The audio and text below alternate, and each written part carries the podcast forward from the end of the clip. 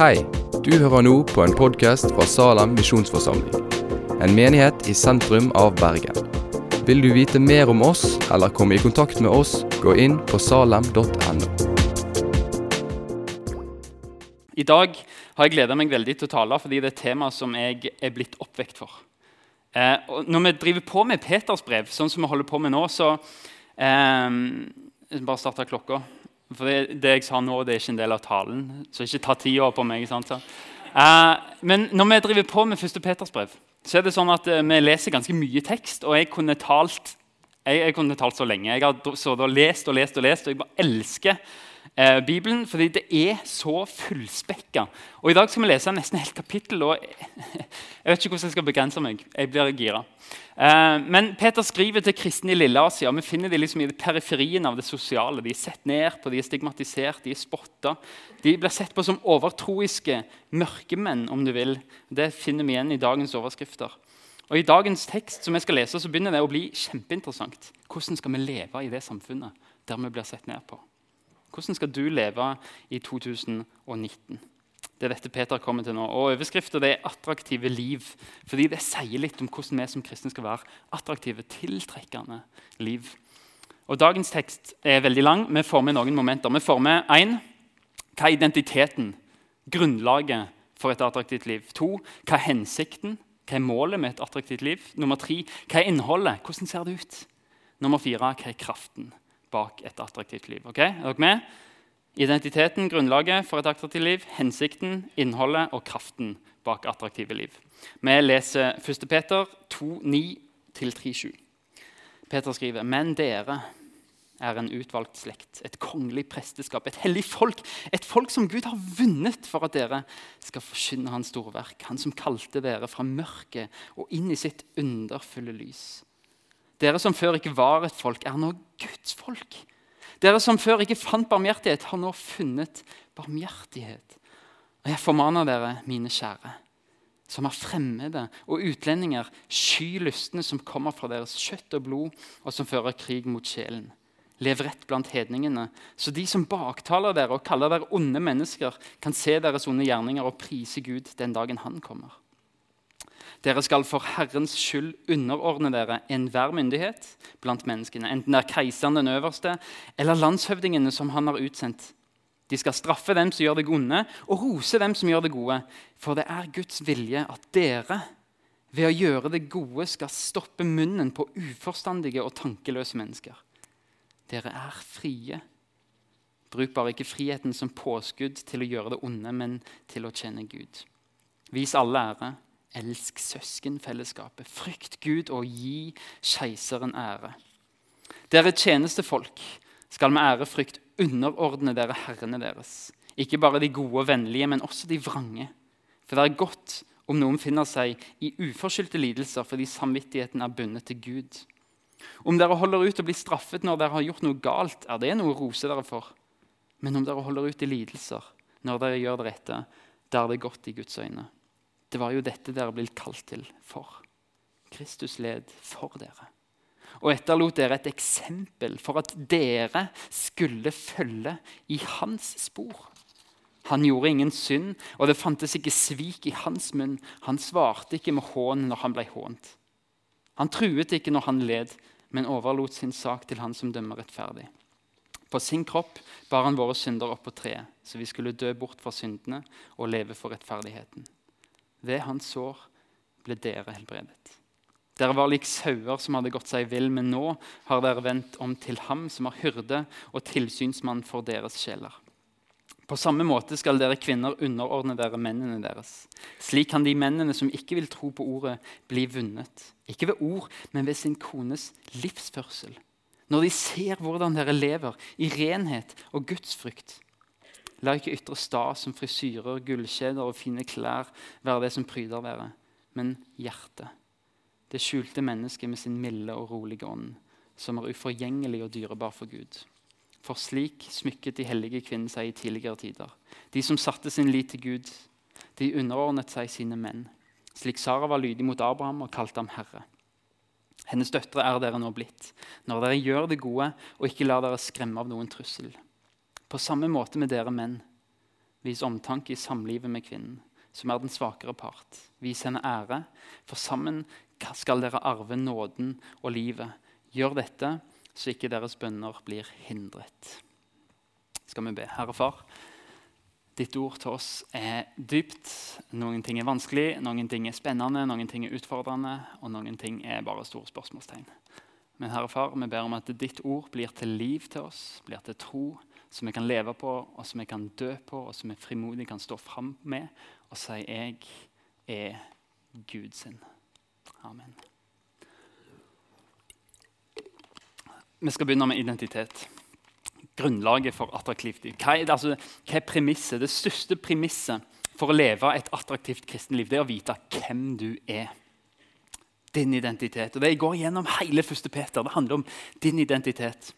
Vers 2 Eh, nei, vers 11 i kapittel 2. Jeg formaner dere, mine kjære, som er fremmede og utlendinger. Peter vil at du skal vite at du er en utlending her på jord. Dette snakket vi om for tre uker siden. og Lytt gjerne til podkasten hvis du vil vite mer om det. Men, men konseptet er at idet du begynner å tro på Jesus, så blir du en himmelborger. Vi er utlendinger her på jord. Vi lever ikke i vårt heimland. Vi er annerledes. Vi bor her midlertidig. Det er vår identitet. Vi bor her midlertidig. Vi er utlendinger. Og På den tida ble utlendinger trakassert, sett ned på, de ble latterliggjort. Jeg kjenner meg igjen. Det er bare til å åpne ei avis, debattsider på Facebook.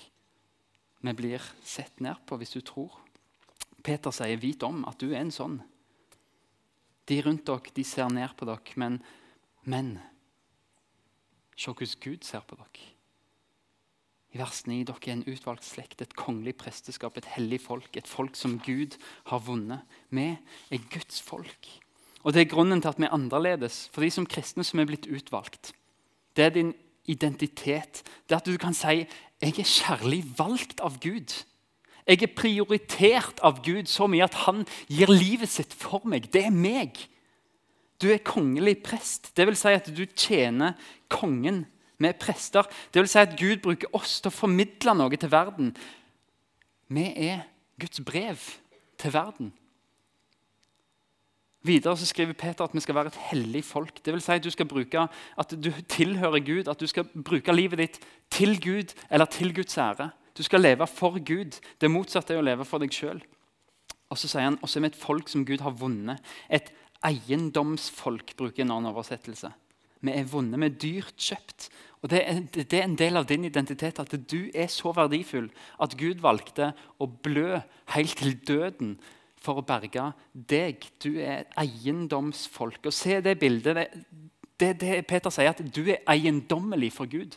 Han som, han som, er den transcendente, som er overalt, som har skapt universet, som har alle verdifulle metaller, alle verdifulle gasser, alt med higete rikdom i ei hånd. Og så har han deg i den andre, så sier han My precious. Det er deg.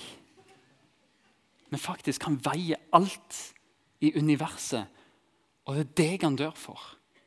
Vi er hans eiendomsfolk. Dette er ting som du skal grunne på, fordi uten en trygghet i denne identiteten så vil det ikke prege livet ditt. Så kan vi ikke leve de attraktive kristenlivene, fordi det er det som driver oss. Det å vite den tryggheten at jeg er faktisk Guds Jeg er elska, jeg er hellig, jeg er eiendommelig, jeg er kongelig, jeg er utvalgt. Ja, jeg er fremmed og utlending her, men jeg er så mye mer. Fordi Gud har gitt meg den verdien. Jeg er skapt i hans bilde. Dette er ting du skal grunne på. Ta det til deg. Les det om og om igjen i Bibelen. For din trygghet i den identiteten vil prege livet ditt. Du må lære det. Det må komme fra Bibelen. Du må lese det, du må høre det. Du må synke inn i hodet, i sinnet ditt, og så må det synke ned i hjertet og bli en trygghet. Si, jeg er, jeg er den som Gud sier jeg er. Men hva er hensikten bak å leve attraktive liv? Det er to grunner til det i vår tekst. Først skal vi forkynne Guds storverk, men dere er en utvalgt slekt, et kongelig presteskap, et, et hellig folk, et folk som Gud har vunnet, for at dere skal forkynne Herrens storverk. Han som kalte dere fra mørket og inn i sitt underfulle lys. Vi er kalt fra mørket. I Bibelen er det et bilde på tomhet, håpløshet, død, fortapelse. Mennesker kan kjenne seg igjen i det. Det er alt vi frykter. Og Gud sier, 'Jeg har kalt dere bort fra det.'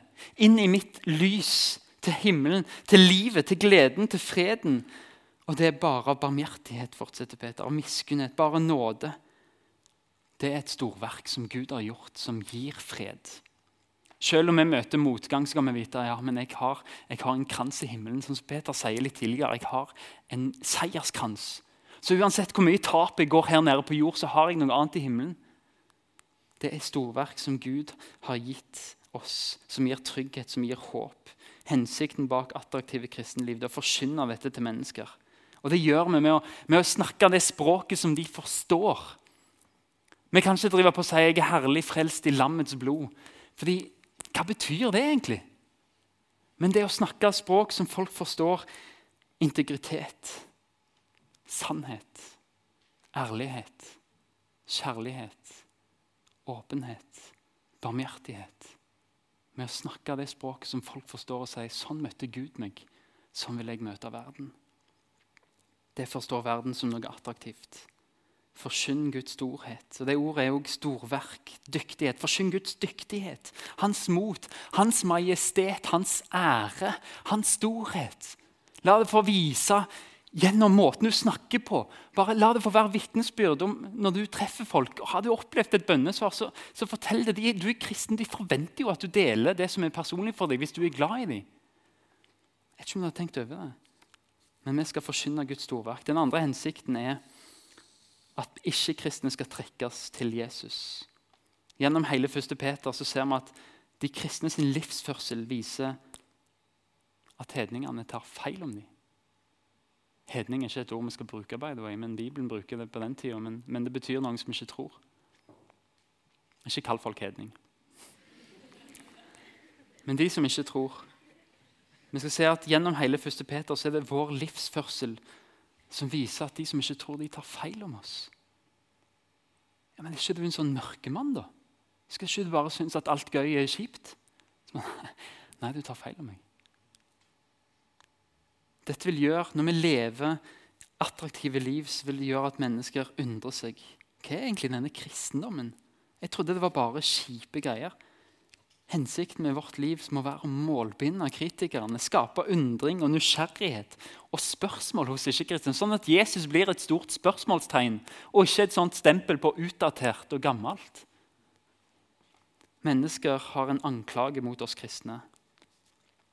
Mørkemenn er eksempler som går igjen nå i abortdebatten. Vi blir sett på som steinalderske mørkemenn. Vår oppgave er å Peter sier, 'Lev rett blant dem'. En annen plass står det 'lev med klokskap'. Resultatet er at de ser her er det en anklage, kristne er kjipe mørkemenn. Og så bare men Det stemmer ikke med beviset. De lever jo ikke på den måten. Det er jo glede, det er jo fred her, det er jo barmhjertighet. det er jo... Og Så ser de anklagen og beviset. Det stemmer ikke overens. Og så skaper det spørsmål. Hvorfor er ikke kristne sånn som jeg tror? Og Min oppfordring er lev sånn at ryktet om Jesus blir bra. Det er en samtale for bibelgruppa di. Ta Sett dere ned. Gransk den sannheten om at Jesus er relevant i alle områder av ditt liv. Ta og Gransk den og snakk sammen. Hvordan er Jesus relevant i akkurat den situasjonen som jeg er i nå, og den du er i, og den du er i, i samtalegruppa deres, i bibelgruppa? Og når dere har gjort det, så lever dere det ut. Og så ansvarliggjør dere hverandre og sier hvordan gikk det siden sist gang vi pratet. Har du fått levd ut Jesus sin relevans i ditt liv? Og Vi kan ikke gå inn på hvordan det ser ut for hver enkelt, her, men det kan dere gjøre i smågruppene deres. Så vi skal leve attraktive kristenliv for å ære Gud for at ikke-kristne skal tiltrekkes Jesus. Men hvordan ser det ut? Hva er innholdet i et attraktivt liv? Peter skriver det.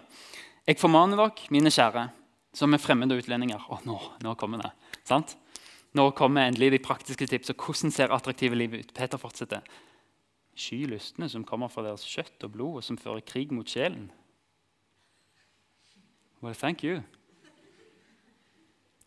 Men, men ikke misforstå. Men den første kampen som du står i for å leve et attraktivt liv for andre mennesker som ikke er kristne, det er en kamp mot den største fienden du har som vil hindre deg i å leve et attraktivt liv, og det er deg sjøl. Det er deg sjøl. For det er veldig viktig å vite at du er sentrum i en krig. Dine lyster. Og Når Bibelen skriver lyster, så gjelder det seksuale lyster, pengelyst, altså griskhet, hovmod, misunnelse, hat. De lystene i deg de prøver å dra deg vekk fra det evige liv. Ikke nødvendigvis fordi at du ikke vil til himmelen, men fordi du vil være din egen gud. Egentlig så liker du ikke å bli styrt av en annen. Det ligger dypt nede i oss at vi vil bestemme sjøl hva som er bra for oss, og lede vårt eget liv. Alle mennesker vil det, men det er ikke alltid vi ser at det er ikke bra for oss. For det er noen lyster der som faktisk vil dra oss vekk fra lys, vekk ifra troen, vekk ifra Gud og føre oss nærmere oss sjøl, ja, men òg mørket, håpløsheten. Gud, som er menneskeskaper, han har en bruksanvisning på mennesker. Han har skapt mennesket. Han vet at mennesket har en sjel som lengter etter noe mer, som lengter etter å være hjemme med han i himmelen. Og han har satt ned gode rammer. Vi kaller de bud. Noen kaller de regler, men jeg, jeg liker å kalle det veiledning. for det er det Bibelen bruker. Han har gitt oss en god veiledning for hvordan vi skal finne den eneste veien hjem til Han der vi hører hjemme. Og Gud har gitt oss bud og retningslinjer som hjelper oss til å bevare troen, til å faktisk navigere i livet sine fristelser og våre begjær for å finne veien hjem til Gud, som er Jesus. Men hvis du velger å overse vei, og leve ut en seksualitet som er tvers imot Bibelens retningslinjer. Hvis du velger å la penger definere livet ditt framfor Jesus, så stiller du deg faktisk i en sånn posisjon at du lar lystene dine angripe sjelen din og det evige livet litt. Gud vil bevare, men hvem vet hvor lenge det holder? Det er å leke med ilden og ikke ta opp den kampen. Et attraktivt liv starter med at du holder lystene dine i sjakk. Fordi mennesker ser her er det en person som ikke er drevet av egoisme. Her er det en person som ikke er drevet av misunnelse eller jag etter ting som bare forgår her. Men her er det en som har en himmel over livet, her er det en som har et håp som, som bærer gjennom døden, som bærer gjennom en økonomisk krise, gjennom sykdom, gjennom depresjon, gjennom hva som helst som møter oss. Han har et håp som strekker seg lenger. Og han lar det definere seg, ikke hva vi vil ha her og nå, men hva vi faktisk vil ha i evigheten. Han har en himmel over livet, og det vekker undring. Hvorfor i all verden er du trofast mot kona di når dere krangler så mye som du sier, og så har du hun på jobben som ligger langflat etter deg? Jeg er trofast mot kona fordi jeg vil at vårt ekteskap skal være et vitnesbyrd om Guds kjærlighet. Han som er trofast selv om vi er troløse. Hans kjærlighet er evig. Han har gitt meg den kjærligheten, og jeg vil speile det i ekteskapet. Det skaper undring. En måte å leve på er altså å kjempe mot lystene dine. En annen bit av innholdet i attraktivt liv det er underordning. Kristne skal underordne seg. Først skal vi underordne oss Jesus. Det handler om å la han være herre i livet og ikke lystene våre. Så skal vi underordne oss styresmaktene, kongen, statsminister, regjering, storting. Vi skal underordne oss sjefene våre, uansett om de vrange eller gode. står det faktisk. Kristne koner skal underordne seg sine ikke-kristne menn. Og menn skal vise omtanke i samlivet med kvinnen. Ikke sjølantenn, fordi det handler ikke om verdi, dette her, hvem som er mest verdt. Og I, i Efeserbrevet 5,21 så står det at mann og kvinne skal underordne seg hverandre. Så det er ikke noe sånt makt eller noe sånt. Ikke tenk det. Vi kan sjølantenne når vi leser underordning. Skal jeg underordne meg? Men det handler ikke om det handler ikke om makt, det handler ikke om verdi. Det handler, det handler rett og slett om å ikke søke sitt eget. Det handler om å søke andre sitt beste. Det handler om å ville gjøre det beste for andre. Vi skal ville gjøre det som er best for samfunnet. Vi skal ville gjøre det som er best for sjefen vår og bedriften vår. Det som er best for mannen vår, det som er best for kona vår, det som er best for Jesus. Det er sånn måten vi underordner oss på. Det handler ikke om en total lydighet utenom i forholdet til Jesus. Der skal vi være lydige. Men det handler ikke om en total lydighet til styresmaktene, for de kan ta feil i forhold til Guds ord. Det handler ikke om en total lydighet i forhold til sjefen, en kona, men det handler om en total hengivenhet. Jeg elsker denne personen. Jeg elsker dette landet, denne byen. Hvordan ser det ut? Vi skal gå og se litt på hvordan ser attraktive liv i samfunnet og på jobb hvordan ser det ut. Grunnen til at vi skal underordne styresmaktene og sjefene våre, det er at det er Guds ordning. Det, Bibelen, Bibelen, sier det. Gud har gjort det sånn at noen styrer. Styresmakter de kan straffe deg for det vonde de gjør. Det er rettferdig. Gud har lagt ned sin personlighet i det. Rettferdighet. Det er gudvilla at styresmakter faktisk har et rettssystem. At den personen som ble drept bare en halv kilometer borte i gata her i dag, blir arrestert får en rettssak og blir dømt. Det er Guds vilje for samfunnet. Gud har ordna det slik. Det er en god ordning som vi bruker ennå.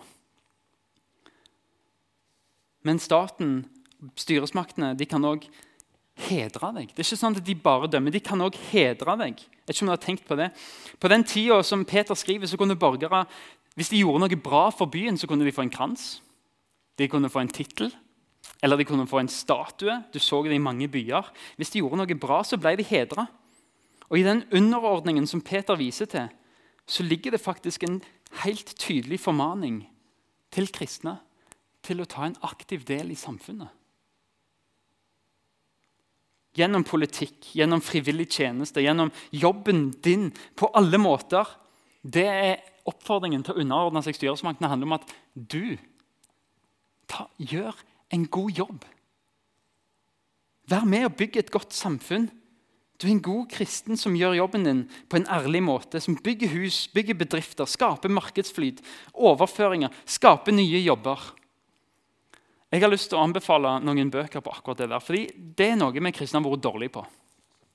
Eh, denne boka her kom ut nå i nå, nå. De hadde lanseringsfest her på torsdag. Eh, jeg fikk den i går. Eh, jeg har bare 60 sider igjen. Den er rett og slett knallbra. Den er lett, veldig lettlest. Få tak i den. 'Samfunnsbygger' handler om kristne i jobb, og i alle fall hvis du er en gründer. Hvis du tenker å starte opp bedrifter, denne boka den er perfekt for deg. Perfekt for kristne gründere og i det hele tatt folk som jobber. Den andre er det Timothy Keller som skrevet, som heter 'Every Good Endeavor'. Plukk opp de bøkene på nett, eller bestill de, og les de. I alle fall anbefalt. Men begge disse bøkene kommer veldig tidlig inn på det som jeg kaller kulturmandatet. I 1. Mosebok 1.27 Gud skapte mennesket i sitt bilde. I Guds bilde skapte han det. Til mann og kvinne skapte han dem. Gud velsignet dem og sa til dem, vær fruktbare og bli mange, fyll jorden og legg dere under dere. Det budet der det stoppa ikke i Edens hage. Det stoppa ikke bare med å få barn og bli mange. Fordi når det skjer, så må vi bygge samfunn, vi må bygge struktur, vi må bygge arbeidsplasser, vi må bygge landbruk, vi må bygge helse, vi må bygge skole. Vi må bygge alt sammen. Det som skjer når du jobber, det er at du er med å oppfylle det budet der. Arbeid er gudvilla. Det er en gudstjeneste. Jeg leste en kommentar til 1. Peter, og det står at vi skal gjøre det gode. Så det er en som kommenterer der. Hva, er, hva vil det si? Hva, hva, tenkte Peter når han skrev det gode? Jo, Han skrev om velgjerninger som var anerkjent av kristne på den tida. Og så skriver han så skriver kommentaren velgjerninger inkluderte å skaffe korn i nødstider, ved å avlede skip med korn til byen, og slik tvinge ned prisen ved å selge kornet på markedet under salgspris. Der har du gründergenet, som de kristne allerede der begynte å se hvordan kan vi gjøre noe bra for byen. Det handler om å reise offentlige bygninger, pusse opp gamle bygninger, pusse opp teateret, utrydde veier, hjelpe til konstruksjonen av offentlige fasiliteter, representere byen for å skaffe privilegier til borgerne og hjelpe byen i tider med sivile uroligheter. Du, ta så Hør nå. Kristne mennesker på Peters tid de var ikke fornøyd med å bygge kirke. Det var ikke nok for dem. Fordi de bygde samfunn. De hadde fått et mandat fra Gud til å bygge byer, til å bygge samfunn. Det er gudvilla, og det skal vi òg gjøre. Vi skal jobbe som om vi tjener Gud. Og Da møter vi folk, kritikere. Ja, men 'Jeg trodde da kristne bare var som bedehuskippinger, ikke energiske gründere som dette.' Så men du tar feil. Vi kjenner en Gud som er så kreativ at han skapte påfuglen. Han elsker at jeg er med å skape arbeidsplasser i bedriften her. Skal vi ta utvida? Det er gudvilla. Det er et bibelsk prinsipp som går igjen mange plasser. i Kolossebrevet 3.22. Dere slaver, adlyst deres jordiske herrer i alt. Vær ikke øyentjenere som bare vil gjøre mennesker til lags, men adlyd dem av et oppriktig hjerte. I ærefrykt for Herren. Alt arbeid skal dere gjøre helhjertet, for det er Herren og ikke mennesker dere tjener.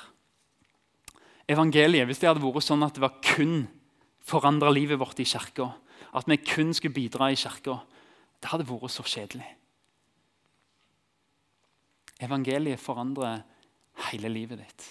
Alt du gjør, er en gudstjeneste til Gud. Det vil si at Jobben din er like viktig som tjenesten din i Salem. Han som har frelst deg, tjener du ikke bare i kirka, men du kan tjene ham på jobben òg. Det er tilbedelse. Det er tilbedelse. Og Hvis du en gang starter på en bedrift, og du blir så travel at du ikke har tid til å tjene i noe kirke, men du bare kommer fem minutter før gudstjenesten går, og du bare synker ned i stolen og tar imot, så skal du vite at det er noe Gud setter pris på.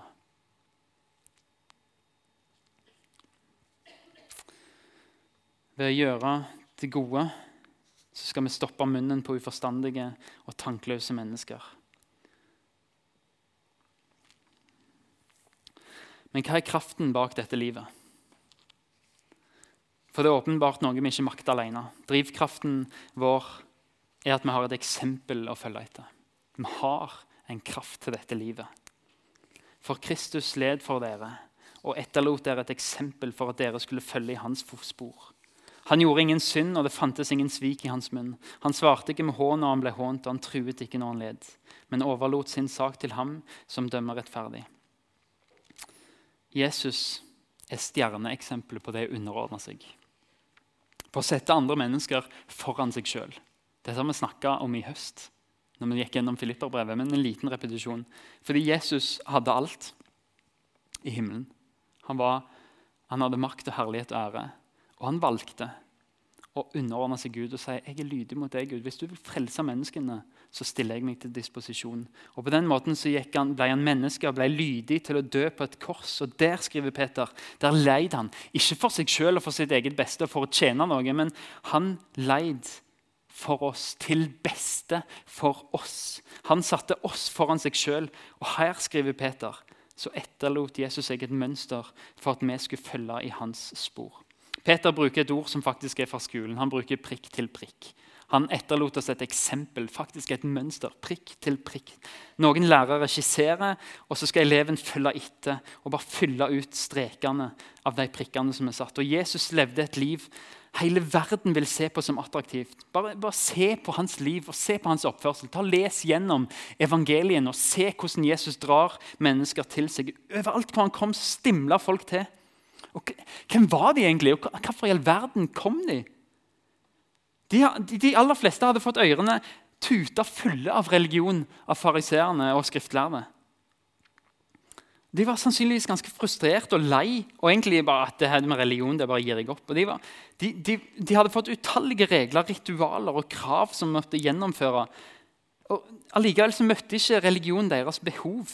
Det hjalp ikke dem å bli kjent med Gud personlig. Men så kommer Jesus, og denne mannen bare strømmer de ut i ødemarka for å se. Hva var grunnen? Hva var forskjellen med, hva var det med Jesus? Det var ingen reklamekampanje, det var ingen TV, det var ingen aviser, telefoner, plakater. Men det det står er at det hadde gått et rykte. Gjennom alt der det står store samlinger, og Jesus kommer, og det er masse folk som sier, De kom fordi de hørte et rykte. Tenk hvor mange samtaler det må være med positiv omtale som skal få 5000 menn pluss kvinner og barn til å dra ut i ødemarka for å høre en religiøs leder. Det var folk som sa 'Har du møtt Jesus?' Han, han helbreder en lam en. Han skal, han skal, det var rykte. De hadde sett han, de hadde opplevd noe. og Så gikk de ut og sa de, 'Har du sett det?' Og så var det òg måten Jesus sa ting på. Det han sa. Med mildhet, kjærlighet, ikke fordømmelse, integritet. Det var oppriktighet. Han viste en himmel over livet. Han viste et håp. Og vi er kalt til å være sånne små Jesuser i vår hverdag. Når vi møter de som er i mørket, og som ikke kjenner håpet Jesus gir. De kjenner bare dette livet. De vet ikke om et annet håp enn å prøve å utsette døden med, med rikdom og medisin. Eller bare nyte av det de har nå mens de kan, for de kommer jo til å dø, og da er det ferdig. Verden vet ikke at vi har en Gud som setter verden foran seg sjøl, som ofrer seg sjøl for verdens beste. Men de kan se det hvis vi forteller det til dem, hvis vi lever sånn. De vet ikke at Gud er en som, som går i døden for de som ikke fortjener det. De tror at Gud er streng og hevngjerrig og fordømmende. De tenker at Gud liker ikke meg pga. min livsstil. Men der kommer Peter og sier vi skal ha en livsstil og en oppførsel som bare smelter all den kritikken. Som gjennombårer alle forutinntatte holdninger som ikke kristne måtte ha. Jesus etterlot oss en sånn prikk-til-prikk-oppskrift. Han underordna seg Guds vilje. Han anerkjente at han var en utlending, at han ikke var hjemme her på jord. og Derfor måtte han lide, men han godtok det fordi det var til ditt beste. Peters oppfordring er at du følger hans underordning som et vitnesbyrd som kan målbinde noen og kanskje vinne noen for Jesus. Sett andre foran deg sjøl på jobb, i samfunnet, i ekteskapet. Underordne deg. Elsk de andre og si at du er viktig. Jeg har lært av Jesus. Men Jesus er ikke bare et forbilde. Et lite vers bare som, som, som forteller litt om, om, hvordan vi kan bli mer lik Jesus. Det handler om den her som er Det er eneste plass vi kan se Jesus. Helt tydelig. Gud har bare åpenbart han skrevet, beskrevet Jesus i biografien i evangeliet. Og vi som uten slør for ansiktet ser Herrens ærlighet som i et speil. Vi blir alle forvandla til dette bildet, fra herlighet til herlighet. Og det skjer ved Herrens ånd. Det handler liksom ikke, ikke om å prestere, men det handler om å bare bruke tid her. Dette er alfa og omega for et attraktivt liv. Åpne boka, les om han, vær med han. Og Da skriver han sitt brev på ditt hjerte, som andre mennesker kan lese. Ikke alle leser denne boka, her, men alle leser deg. Da må vi passe på å bli forma av denne. Men Jesus er ikke bare et forbilde, han er også en frelser som fornyer oss. Vi skal følge han i livet, vi skal følge han i lidelsene, i underordning, men det er én plass vi ikke kan følge han, og det er at han døde for oss. Der skal vi ikke følge fordi han døde for oss, sånn at vi skal slippe å dø. Vi skal slippe fortapelse. Evangeliet er at det ikke er et eksempel, men det er bare frelse.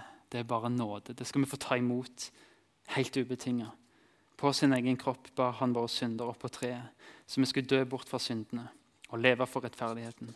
Ved hans sår ble dere helbredet. Dere var lik sauer som hadde gått seg vill. Men nå har dere vendt om til Han som er hyrde og tilsynsmann for deres sjeler. To ting helt til slutt. Ved hans sår ble dere helbredet. Hvordan i all verden blir vi helbreda med et sår? Hva hjelper det hvis jeg er sjuk av synd og død og fortapelse, at en annen blir såra? Bibelen sammenligner det med et tre. Det er Guds tre, det er frelsen. Og Jesus er greina der som bærer frukt. Og det treet var bugna frukt. Og jeg er greina som ikke har en stamme. Jeg er greina som ligger i mørket, i håpløsheten, uten næring fra stammen. Jeg er bare hogd av et tre. Jeg er på vei til å dø. Men så tar Jesus å knekke av sin grein og legge meg i mørket. Alt det duger til å brenne stopp de greinene som ikke er på et tre. Og så tar han min grein, og i det såret fra hans grein så stapper han Han poder meg inn i det treet. Og så sier han, se her, nå er du på Guds tre. Nå kan du vokse. Nå kan du bære frukt. Fordi det såret, min grein som ble knukket av, det er liv for deg. Der får du næring. Vi blir helbreda ved hans sår, og så kan vi begynne å bære frukt. Og Så står det et ord der om at han er hyrde og tilsynsmann. Det ordet tilsynsmann det blir henvist til i åpenbaringen òg når Jesus går rundt i menigheten som en hyrde. Og det, Menighetene blir representert med noen lysestaker, og midt der så går Jesus som en tilsynsmann. Og det han gjør, det er at han skifter olje, fornyer olje på de lampene. Ny veike. Passer på at det er ild, passer på at det brenner. Og det er det han gjør med deg òg. Han er din tilsynsmann. Han går rundt og renser lyset ditt, legger på ny olje. Kanskje klipper han av noen greiner på de, kvister på de greinene som ikke er bra for deg, sånn at du kan bære mer frukt. Men Jesus er eksempelet, men han er òg det såret som gjør at vi faktisk lever. Han er tilsynsmannen som gjør at vi bærer frukt. Gartneren som beskjærer og klipper deg. Takk for at du har hørt på podkasten fra Salem, Bergen.